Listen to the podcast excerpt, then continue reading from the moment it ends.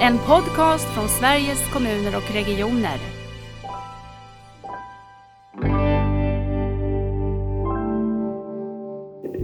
Nära vård är inte en klinik utan det är ett, ett arbetssätt. Så vi, vi flyttade upp det till sjukhusledningen som ett övergripande arbetssätt.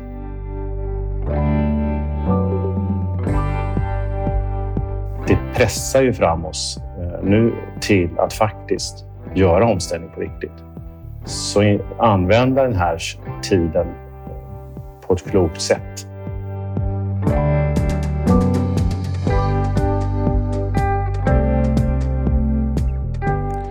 Veckans gäst är nytillträdd sjukhusdirektör på Sahlgrenska universitetssjukhuset och har sin bakgrund i neonatalvården och forskningen och en lång erfarenhet av hälso och sjukvårdsfrågor på ledningsnivå. Vi ska i det här samtalet försöka komma nära vad som driver omställningen och vilka resultat arbetet kan ge. Så välkommen Bobo Hallberg. Berätta först lite vem du är och så. Välkommen. Ja, tack Lisbeth. Hej. Jag är barnläkare och neonatolog. Eh, men jag är också en, en pappa till fem barn och eh, bor sedan två och ett halvt år i Göteborg. Mm. Var, var, var har du annars bott? Är det, du är inte Västra Götalänning eller? Nej, utan jag kommer från Stockholm, är uppvuxen där och, och jobbat där större delen av mitt liv på Karolinska.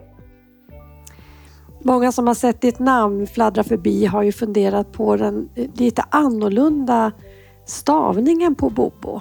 Var kommer det ifrån? Ja, men så är det ju. Det, det kommer sig av att min pappa växte upp i Etiopien och blev inspirerad av det eh, Eh, när han kom till Sverige och jag kom till världen. Så det, det har ett afrikanskt klingande namn helt enkelt. Mm, just det. Hörru du, ja, när jag bjöd in dig till den här podden då var du sjukhusdirektör för Södra Älvsborgs sjukhus. Och eh, under den tiden som vi har väntat på att det var dags för inspelning så har du hunnit byta jobb och bli sjukhusdirektör för inte mindre än Sahlgrenska universitetssjukhuset. Det är ett jätteuppdrag, tänker jag. Vad gjorde att du tacka ja att göra en sån här förflyttning? Det är ju eh, ett fantastiskt jobb som eh, ledare för ett av eh, Europas större sjukhus och i Västra Götalandsregionen så jobbar vi i en koncernledning, så vi jobbar tillsammans. Och en av de saker vi gör är att vi, vi har en verksamhetsplan för omställningen av hälso och sjukvården som bygger på den strategi som ligger sedan 2017. Eh, och få möjlighet att, att vara med och påverka den från ett universitetssjukhus eh, är väldigt lockande helt enkelt. Mm. Vad tar du med dig från Älvsborg om du bara skulle säga tre saker? Eh, vad, vad, tycker du blir viktigt att ha med dig i ditt ledarskap för en sån här jätteorganisation? Tillsammans. Att göra saker tillsammans och involvera. Eh, om jag tar tre kort så kan vi utveckla sen kanske tillit mm. Mm. och involvera. Mm.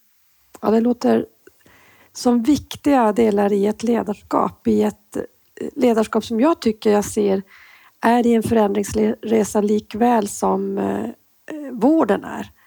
Jag ser att det här hela nära vårdskiftet handlar så mycket också om skiftet i ledarskap. Ja, men det, det är sant och det handlar ju om att eh, kravet på oss som leder inom hälso och sjukvården förändras fort. Vi går ju från klassisk linjestyrning till, till mer komplexitetsstyrning där teamet och teamets förutsättningar är, är grunden för att uppnå det vi ska göra. Och, och, och, i teamet så är det kanske inte alltid bara de som jobbar närmast utan det handlar om att involvera det som vi ska prata om idag, patienterna i beslutsfattande och i omställningen. Mm. Jag tänker så här, hur, du sa lite grann om hela den här resan för hela Västra Götalandsregionen. Du sa ju du, du kom i kontakt med nära vårdomställningen eller hur började det här för dig?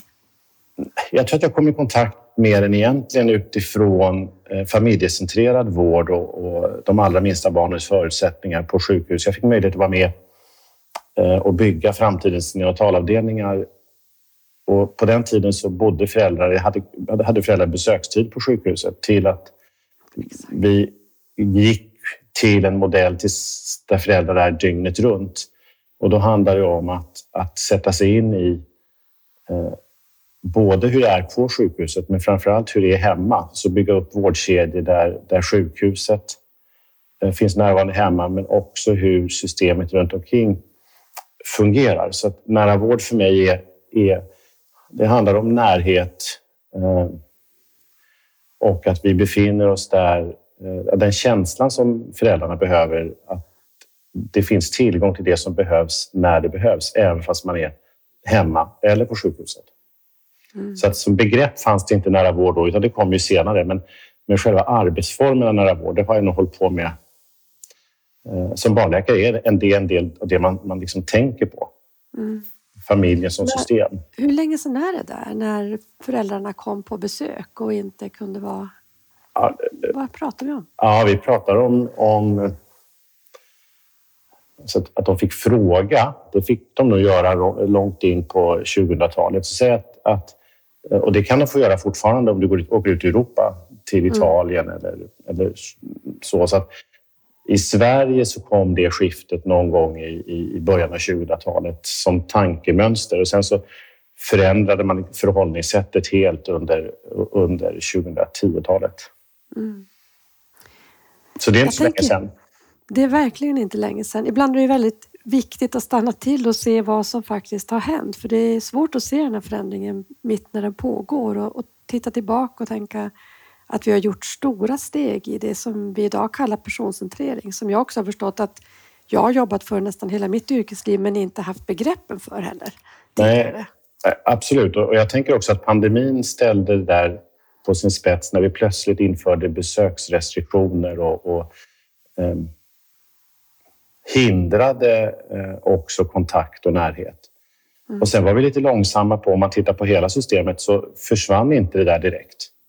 Utan det låg kvar, kanske längre än nödvändigt på vissa ställen. Därför att vi ibland inte tänker när ska vi väga och prioritera olika saker mot varandra så blir det, det blir ju väldigt svårt för oss. Eh, eh, och det är väldigt ja. lätt att ta sitt inifrån perspektiv. Man tar sin organisationsperspektiv. Det här var ju enkelt, nu har vi den här regeln. Men eh, att verkligen fundera hela tiden hur vi gör bäst utifrån invånarna och patientens perspektiv. Och jag tänker att nära vård och personcentrering är så intimt förknippat.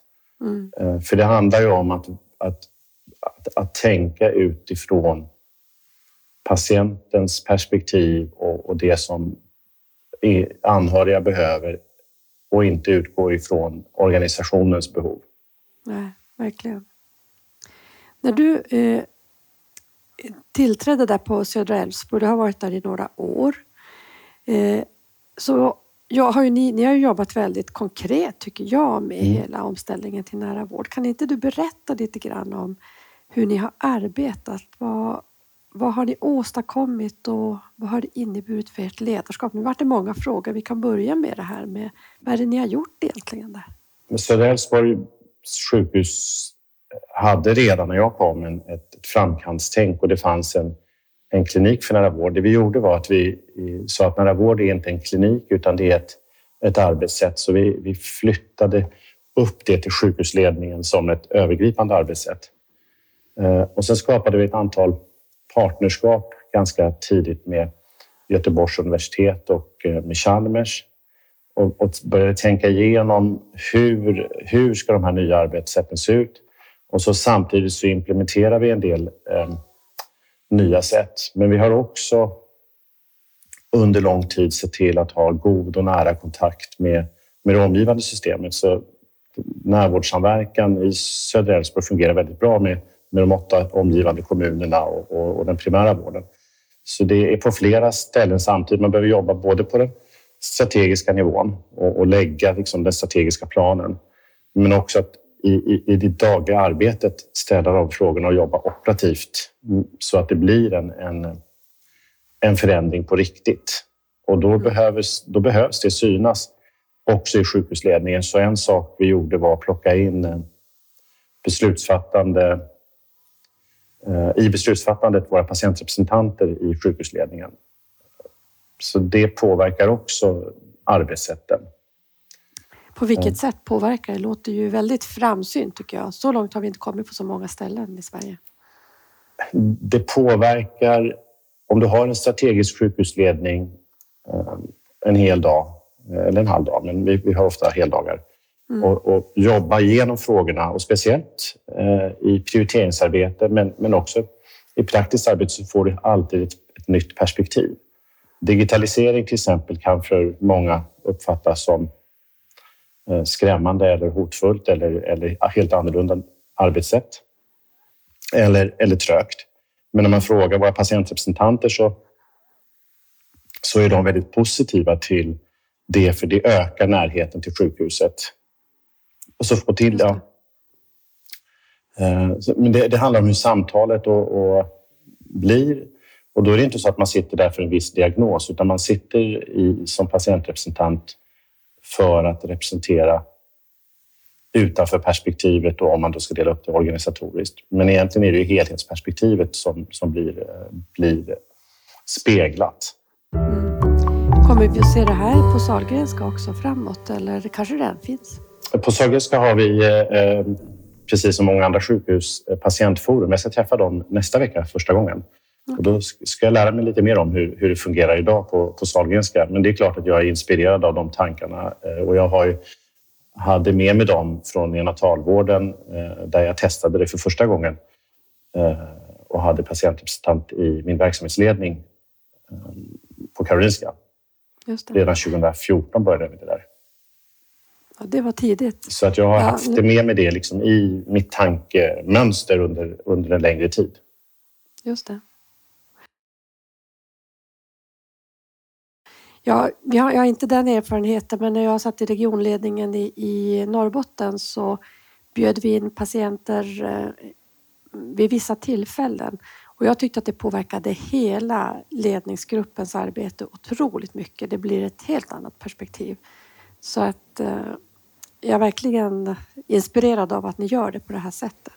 Sen finns det ju forskning och standard från bland annat GPCC som, som mm. visar hur man kan tänka. Men en studie som intresserade mig eh, och för det kanske är fem, sex år sedan nu, där man testade att patienter, det var bröstcancerpatienter som själva fick styra sin behandling. Du känner till den säkert. Då fick man ju bättre överlevnad. Mm. Eh, så det är väldigt stark kraft eh, i när man involverar på riktigt och får medbestämmande. Eh, vi kunde ju också visa på, på neonatal att vi kunde korta medelvårdtiderna när vi randomiserade mellan föräldranärvaro och icke föräldranärvaro mm. i, i randomiserade kontrollerade studier. Mm. Och det var ju stor, stor påverkan. Tio dagar eh, kortare medelvårdtid det är så viktigt att vi pratar om det här också med den evidens som finns. Eh, för att vi är ju så tunga på, på den, jag skulle säga kanske mer naturvetenskapliga evidensen i hälso och sjukvården. Och att också plocka in de här fakta och randomiserade studier på vad det faktiskt betyder är ju superviktigt. Ja, både randomiserade studier, men jag tänker eh, vad vi gjorde på Söderälvsbro att för att kunna förstå mer så bildade vi ett forskningssamarbete som heter SHIP Eh, och det står för Safety Health Integrated Care Partnership. Mm. Eh, och där är ju också forskningsmetoden viktig.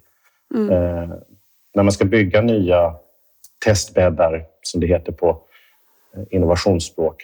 Mm. Men, för jag, jag, jag, tycker egentligen inte om att säga piloter, för de, de blir ofta ingenting av. Utan att, att, det vi gör är att vi testar de här nya arbetssätten. Precis. Då kopplade vi in forskare i det, så att vi har fått eh, doktorander, en doktorand eh, beviljad i, i, redan i, i Shift Care-projektet. Och, och, och, då bäddar vi in den här forskningen, så det blir ju en, en följeforskning och då är det en annan metod. Ja, eh, så det är också viktigt. Eh, inte bara oh, ja. randomiserade kontrollerade studier, utan det finns ju annan evidens. Det är viktigt att vi tar fram evidens. Mm. Nej, det vill jag verkligen mm. understryka för att vi har ju också för mycket eller för svagt intresse för andra typer av forskningsmetoder och kanske lite, lite vana att arbeta med dem. Vem beviljar de här medlen till den här doktoranden? Var det eh, regionens forskningsmedel eller? Nej, utan det här är en, en nationell eh, ansökan eh, kring att etablera eh, inom nära vård de här forskningsskolorna. Just det. Mm. Just det. Så det är en del mm. av den stora satsning som ni också fått från Eh, är det Vetenskapsrådet? Vetenskapsrådet. Mm. Ja, precis. Jag tänkte Södra Älvsborg för mig eh, har legat i framkant. Eh, för många år sedan så var jag med i en, eller var ordförande för en jury som delade ut ett vårdpris och då var det ju de här närsjukvårdsteamen, mm. tror jag att de hette, från södra Älvsborg som var väldigt tidig med att jobba i hemmet integrerat mellan olika grupperingar av professioner.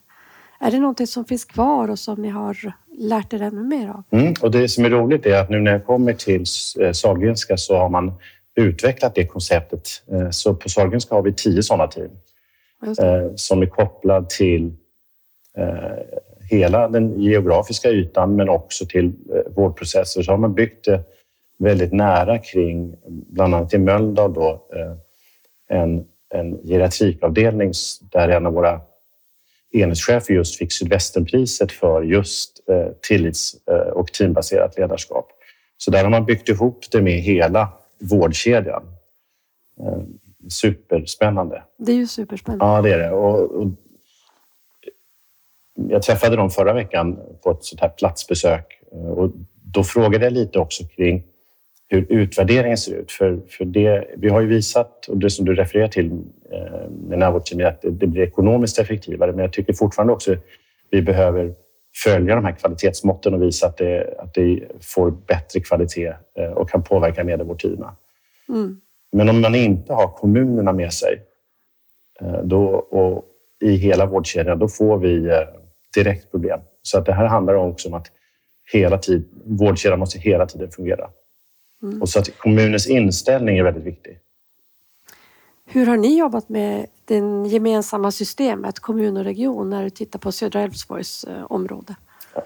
Det finns en närvårdssamverkansgrupp eh, där det finns ett arbetsutskott som representeras då eh, från kommunerna, från sjukhuset och från primärvården. Och sen en styrgrupp som, som är större som innehåller samtliga aktörer det viktiga där är ju den gemensamma målbilden. Mm. Och, och, hela tiden prata om det. Så, och det är nog det, alltså, hur har man jobbat? Genom att skapa tillit eh, och inte låta systembarriärer hindra nya lösningar. Det är lättare att säga än att göra, men, men det, tar, det tar väldigt mycket tid. Eh, det, det kräver att man är... Du vet, om man tänker tillitstriangeln Ja. Att, att, man är både empatisk när det är svårt, för det är svårt på båda sidor. Mm. Eh, att man är logisk så att man hela tiden också pratar om rätt typ av data eh, och inte går i vilse. Eh, och sen autentisk och jobba med det hela tiden så att det kommer bort från det som på engelska heter shame and blame. Mm. För det blir väldigt lätt så när sjukhuset känner att ja, men nu har vi mycket patienter som inte kommer ut. Om de andra bara gjorde. Mm. Eh, och så vice versa. Om sjukhuset inte bara skickade ut så hade vi hunnit med. Och så får man stanna kvar i den där frågan ganska länge. Just det. Vad tycker du om det politiska ledarskapets betydelse för att eh, ni i tjänsteledningar ska kunna göra det här, ha den här tilliten? Eller vad betyder det? Ja, men det är en bra fråga och där tänker jag att har politiken öppna kanaler och då jobbar vi med delregional politisk samverkan så att kommunstyrelsernas representanter, eh, presidiet från båda från både region och kommun träffas och, och diskutera. Det är jätteviktigt och det är samma sak där. Men det handlar också om att utförarstyrelser ser helhet eh, och inte politiserar frågor som, som vi kan lösa med, med processtänk till exempel. Just det. Eh, jag tänker precis som du säger, det är som ett ständigt pågående arbete. Det här är ingenting man gör färdigt och jag tycker att det är roligt att du lyfter upp de här målbilderna. För ibland tycker jag att det kan bli lite raljant kring att man har jobbat fram gemensamma målbilder. Men jag tänker det är ju ett stort breddarbete som är gjort runt om i Sverige för att lägga grunden för att ha någonting att komma att falla tillbaka på, att utgå från. Eh, så sånt arbete har ju också betydelse och, påverkar ju varje individ också, tänker jag, i, i sättet att förstå sin egen roll. Hur tänker du mer på det? Ja, när man, alltså, säga målbilder handlar ju också om att om, om vi som i Västra Götalandsregionen säger att nära vård, det är en omställningsstrategi. Mm. Då måste man också läsa in sig på vad betyder omställning eller transformation. Så det är inte bara målbilden utan det är också strategin för hur man ska ta sig fram. Och där beskriver ju eh, bland annat Johan Holmberg det bra om att tankemönstret med expeditioner och att låta de här expeditionerna åka ut och, och testa och hitta nytt, det är vi jättebra på. Mm. Men att docka in dem i, i den befintliga organisationen eller, eller som, som de beskriver det, moderskeppet, det är mycket svårare. Så där, det, ibland, ibland, det kanske inte saknas målbilder, men koppla ihop strategin och målbilden till aktivt görande så att det blir verkstad. Det är, helt, det, är det som är att bli överens om vad är verkstaden. Just det. Ja, och det är ju svårare när vi är olika aktörer. Ehm, så är det ju. Men hur gör man det? Vad är din erfarenhet? För ni har ändå lyckats får man säga.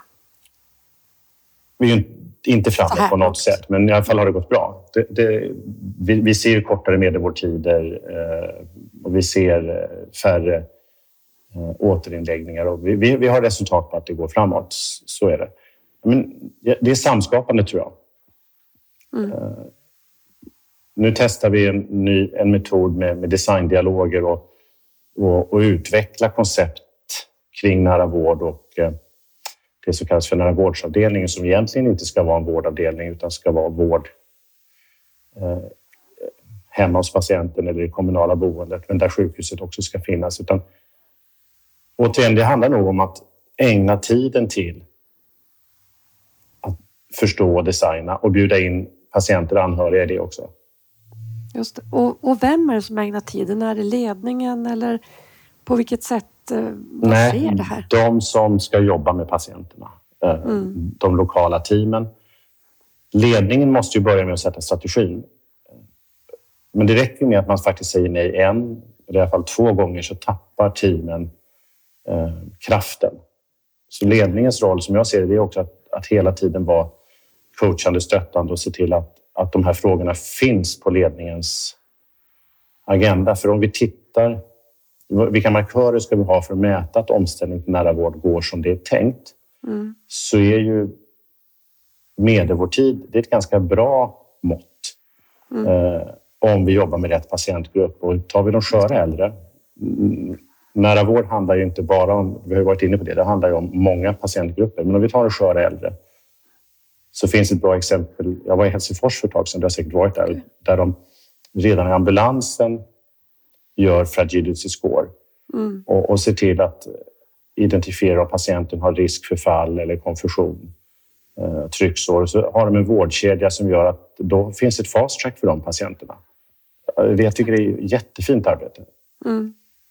Jag har faktiskt inte varit i Helsingfors, det får jag ju men däremot i Finland på andra ställen och de har ju jobbat väldigt mycket spännande med både sitt berättande om, och sina begrepp och sina ord men just som du säger ambulansens roll är ju särskilt, de är också särskilda team och bilar som jobbar mycket mer att, att komma hem till än att skjutsa in.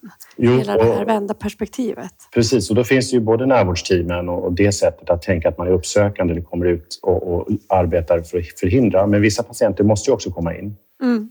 Mm. Och det, de är extra hög risk. Mm. Just det. Du sa någonting, vi blir mycket i ledarskapet nu, men jag tycker det är intressant. Du sa något så här, när vi har strategisk ledning, mm. eller på så där, vad, har ni olika typer av eh, ledningsgruppsmöten? Ja, så jag försöker skilja på eh, strategiska frågor eh, och så långt det går. Och när jag menar det, alla frågor har egentligen en strategisk dimension. Men för att få bort informationspunkter och punkter som vi på annat sätt kan hantera i organisationen så kallar jag det för strategiskt. Och då är det också hur man förbereder agendan och jobbar med den. Det kan, man, det kan vara en helt annan samtal i en podd, men, men det, det, är också ett sätt att, att få framdrift i, i större, svåra, komplexa frågor.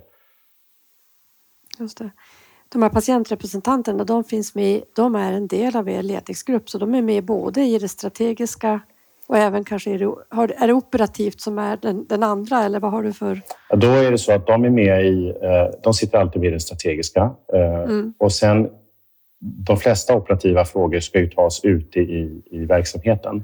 Mm. Så där har vi, håller man nu på med, och det var en av de sista dialoger vi hade före sommaren, hur involverar verksamhetsledningarna patienterna i beslutsfattandet? Så det, det är inte helt klart, utan det håller de på att tänka på och ska ha en åter, återrapport av det. För det är nästa steg. Hur gör vi i verksamhetsledningarna? Och hur, och för långt ut så finns det levande bibliotek som man kan låna in när man vill göra ett förbättringsarbete och det finns eh, en, en, ett patientreferensgrupp som träffas som är lite större som man är rekryterad till. Eh, men de operativa frågorna, de är ju också väldigt nära patienten där och då, när det händer för patienten. Mm. Så att om vi kan, lite tillbaka till det här exemplet med, med bröstcancer, men om man, om man involverar patienterna i det aktiva beslutsfattandet, eller anhöriga, mm. Eh, kring, kring vården, där är vi inte... Då, då får vi liksom mer effekt. Just det.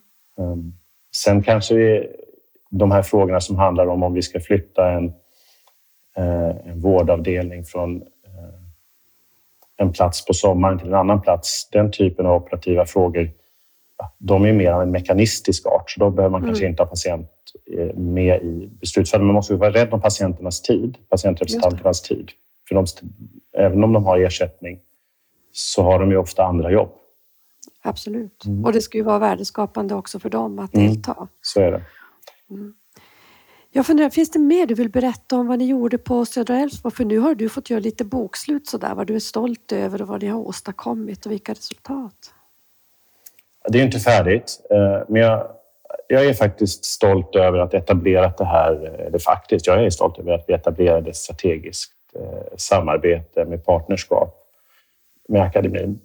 Mm. Så att vi, det blir som en, en forskningsmiljö dit forskare kan vända sig och, undersöka och ställa frågor. Och det handlar både om, om sköra äldre, men det handlar också om psykiatrin. Vi pratade inte om det, men under den här tiden mm. så lyckades vi, eller man byggde klart ett sjukhus som hade varit planerat under en längre tid, psykiatriskt kvarter. Och, och genom att jobba med nära vård där så har man lyckats minska bältesläggning, eh, till exempel tvångsåtgärder på barn. Och det handlar också om, om ett systematiskt arbete med att förändra eh, hur man arbetar. Just det.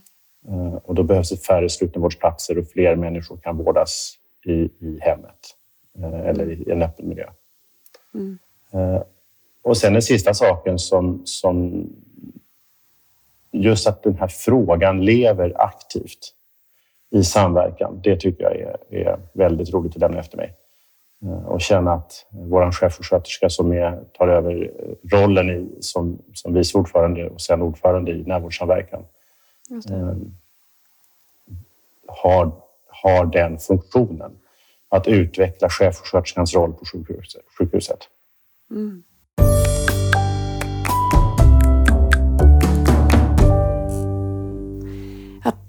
Tänker också det du säger att det här verkligen genomsyrar hela ert sätt att leda och styra. För jag kan se, där man lyckas eh, runt om i Sverige är ju där man inte låter det här bli ett projekt på sidan om. Även om man behöver stödresurser och, och det här kräver sitt sätt att, att jobba och tänka så kan det inte bara leva på sidan om som någonting som man säger i förbifarten och så har vi nära vård och så har vi några grejer till. Ja, men det där är jätteviktigt och vi, vi hade sjukhusledning på Sahlgrenska i tisdags heldag och så tittade vi hela vägen fram till 2032 och, och funderade på vad är det för någonting vi behöver göra tills, för då fyller vi, vi 250 år och, och då vill vi vara ett av Europas ledande universitetssjukhus massor av projekt kom upp och milstolpar och, och, du vet hur man jobbar, brainstorming. Och sen så fick vi prioritera. Då hade vi 15 liksom, tyngre milstolpar kvar och efter ytterligare en prioriteringsomgång så hade vi fyra kvar. Och på topp fyra så kom omställning till nära vård. Ja. Det, det, tyckte jag var häftigt. För det, ja. det gör ju att det måste vi, det ska vi ta tag i. Fantastiskt, ja, det ser jag ju fram emot. Ja, så, och, och liksom att om, när ett universitetssjukhus får igång en motor i en sån här ja. viktig fråga, då, det, för det ser jag som vår roll, att vi ska också vara där och ta fram de där nya arbetssätten och, och ny, hitta de nya formerna. Och, Såklart. Ja, så det ska bli, ja. det, och det är fantastiskt när ni nu är de, det, det, det toppsjukhuset om några år. Då kommer vi också ha nära vård som topp. Ja, men nära vård, för det är lätt att koncentrera på det högspecialiserade och, det, och precisionsmedicin, det är viktigt och det är också en del av vår absoluta spets. Mm. Men det här andra får vi inte glömma bort. Nej. Jag skulle vilja höra lite grann hur du tänker kring sjukhusens roll kontra primärvårdens roll och vad du tänker när du tänker primärvård. Eh, för att jag tycker att det där har en... Det finns också en risk i de här... Ehm, att det blir ett dike däremellan. Vi jobbar mycket mellan kommun och region och, och skapar, eh, försöker bygga igen och att det inte ska bli eh, djupare och djupare gropar utan snarare broar över och eh, gemensam väg. Men hur gör vi det mellan specialiserad vård och primärvård? Och kampen som lätt kan uppstå däremellan? För patienterna så spelar det ju, jag tänker så här, för patienterna spelar det egentligen ingen roll hur vi har delat upp organisationen. Eh, det är ändå en och samma process. Mm. Så då är det tillbaks igen och det tycker jag Västra Götalandsregionen gör väldigt bra med koncernledningen där våran primärvård eh, i närhälsan och vår specialiserade öppenvård regionhälsan sitter med. Eh, och att vi har en verksamhetsplan där, där vi sätter upp milstolpar som handlar om det sammanhållna hälso och sjukvårdssystemet. Det, det. det är väldigt rätt att, att, precis som du säger, gå in i incitamentmodeller som premierar det ena eller det andra. Och, och, och räknar vi pinnarna på fel sätt så kommer det inte hjälpa till att transformera. Nej. Eh, så för mig är, är, är det egentligen, när jag tänker på det så, och så som du ställer frågan, så handlar det mer om att, att klara av att se hela vårdkedjan. Sen gäller det att vi gör det på, på rätt ställe. Eh, mm. Och den primära vården som består av både det som primärvården finns till för och den kommunala primära vården. Där måste vi samverka ännu bättre och bli bättre. Här tror jag patienterna också kommer vara en, en drivande del i förändringen därför att när vi digitaliserar och vi tillgängliggör större möjligheter till närhet så kommer det också ändra hur, hur, hur servicemodellen ser ut i framtiden. Och då behöver vi spana, liksom, vi behöver spana in i framtiden också och vara med och, och visa hur den kan se ut. Mm. Har ni sådana, ni är ju mm. så, har ju så mycket muskler i, i Västra Götaland, så stor region. Har ni möjlighet till att jobba med simuleringar? Och, för det har jag tänkt att år skulle vi haft. Vi skulle behöva på något sätt, gör vi det här, då kommer vi att driva det åt det här hållet. Att, eh, att ha dem lite, den kapaciteten att kunna också tänka i framtiden. Ja, det har vi. Ja. Eh, på olika sätt. Både i, liksom rent eh, vad betyder den här metoden?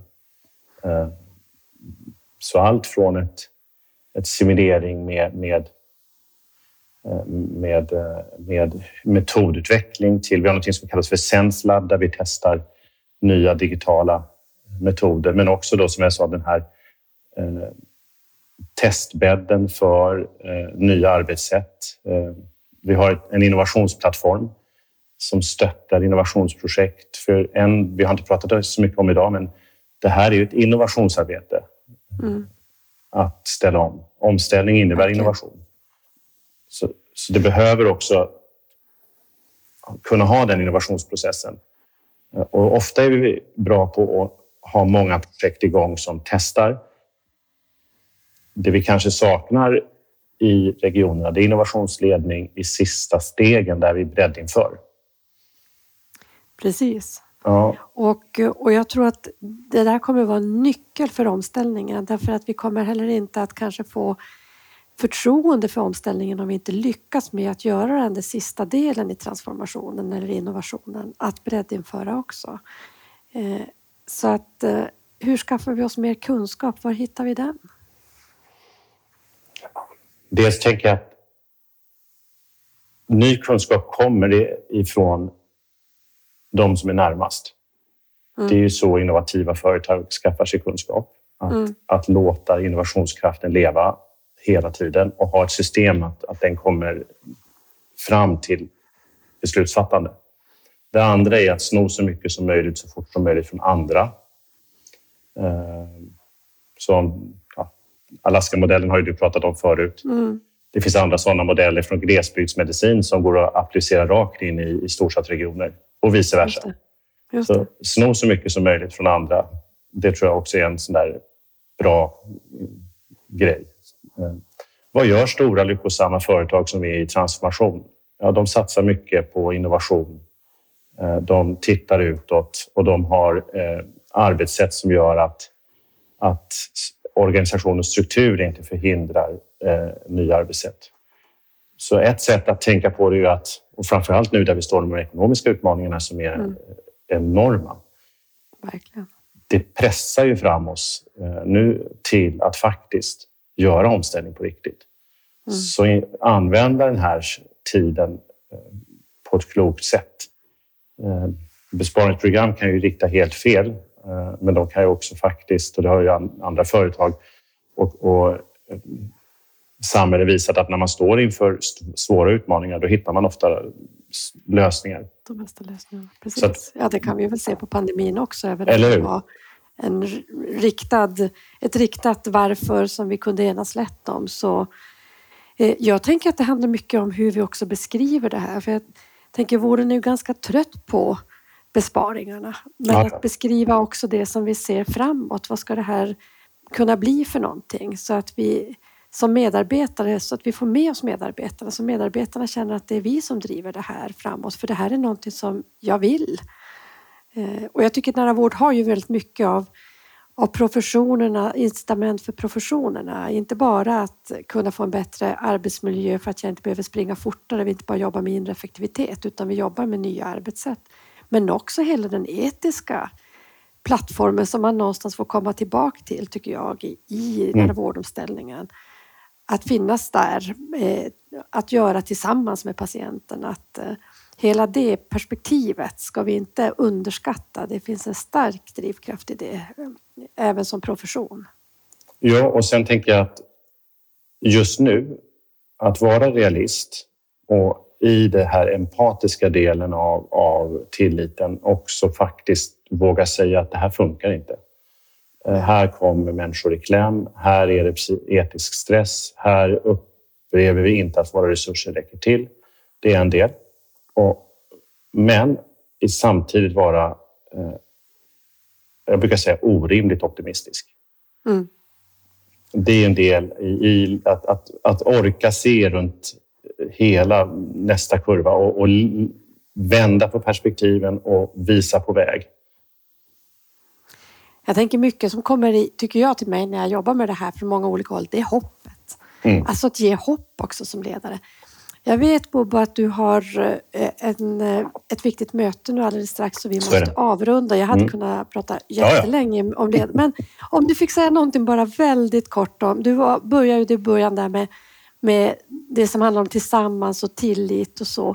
Vad är det viktigaste i ledarskapet för den här